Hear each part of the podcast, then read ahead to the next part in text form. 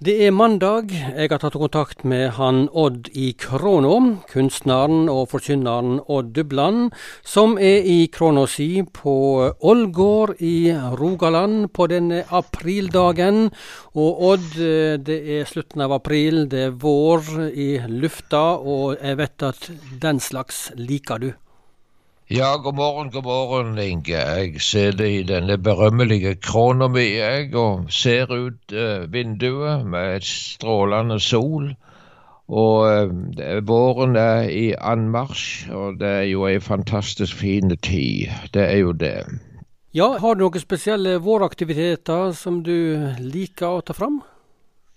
Nei, eh, jeg er jo ikke noen idrettsmann, jeg altså. Men jeg prøver å sykle litt. Og når det er slik fint vær, så finner jeg nå fram sykkel og tar en trimtur på et par mil iallfall. Så det kan være greit å ha det slik, det er det. Men en får glede seg over det fagre i naturen. At det er nytt eh, liv av daue gror, som det står i sangen. Men du, i dag eh, skal vi tilbake en del år i tid. Vi skal til en ung forkynner, 21 år gammel, som besøker bygda Gjelsa i Rogaland og heter Odd Dubland. Det er en historie derifra vi skal begynne i dag. Ja, du kan så si. Altså, det, jeg var vel ca. 21 år, så dette er forferdelig mange år siden. Jeg er jo 83 i nå. Og jeg kom til å tenke på en predikant en gang som hadde med seg en unge kar. Det var en eldre og en ung som var ute og hadde møte i lag. Og så sier den gamle til han det, at uh, jeg sier til den unge Jeg preiker mye bedre enn deg, men folket hører mye mer på deg, for du er unge. Det der er det nok mye visdom i. Ja, Hva tenker du på da? Nei, du vet det kan være ufullkomment og kantete og keitete det som de unge kommer med, men allikevel så hører liksom mitt folk litt mer på det, eller for en, ifra en gammel rutinert type, da. Ja, det kan være slik iallfall. Men eh, denne turen det, til Gjelsa når du var om lag 21 år gammel, hva var det du snakka om på det møtet? Ja, jeg hadde fått det for meg at jeg skulle tale over et emne da, på et møte. Og det tror jeg nok ble over evne. Det er noe annen ting. Men eh, det var liksom Lønner det seg å være en kristen? Jaha. Hvordan la, da, du, opp, ja, hvordan ja, la du opp den preika, da?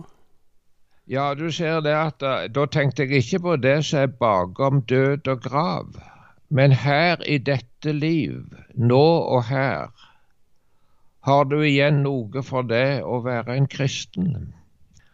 Og etter som jeg husker da, så Jeg fikk ikke sagt så mye om det, men uh, Nei, det jo Jo, jo, det Du kunne ha den og den glede, så hadde du kanskje litt den, den og den motstand, og, og bortover slik, og litt grann forsagelse, og bortover slik. Men så, når møtet gikk mot slutt, så var det en eh, eldre mann. Ja, jeg var sikkert ikke så gammel da.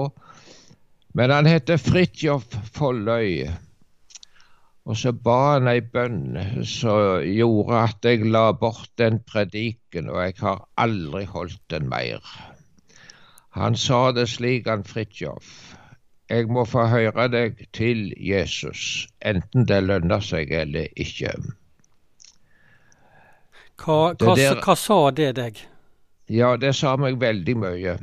Og Jeg begynte i dag og, eller i går å tenke litt på en del av de folk som valgte til å følge Gud.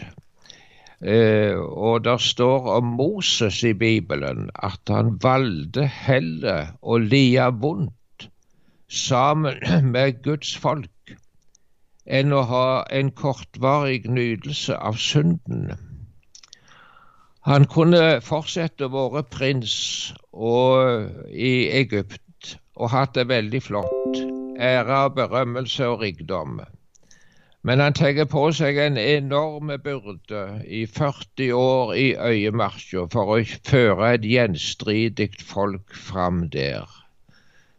Ja, det var et tøft valg, han, men han valgte heller og lie vondt sammen med Guds folk, står det skrevet. Og En kan spørre f.eks. når det gjelder Paulus, apostelen. Eh, han eh, ble en kristen. Hadde han noe igjen for det rent menneskelig sett? Ja, han opplevde mishandling og fengsel og til slutt dødsdom.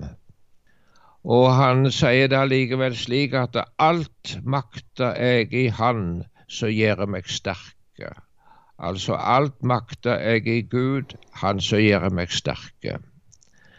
Eller jeg tenker på Martin Luther, som i 1517 skrev opp 95 setninger på kirkedøra i Wittenberg, der han gikk til kraftig angrep på avlatshandelen i den katolske kirka.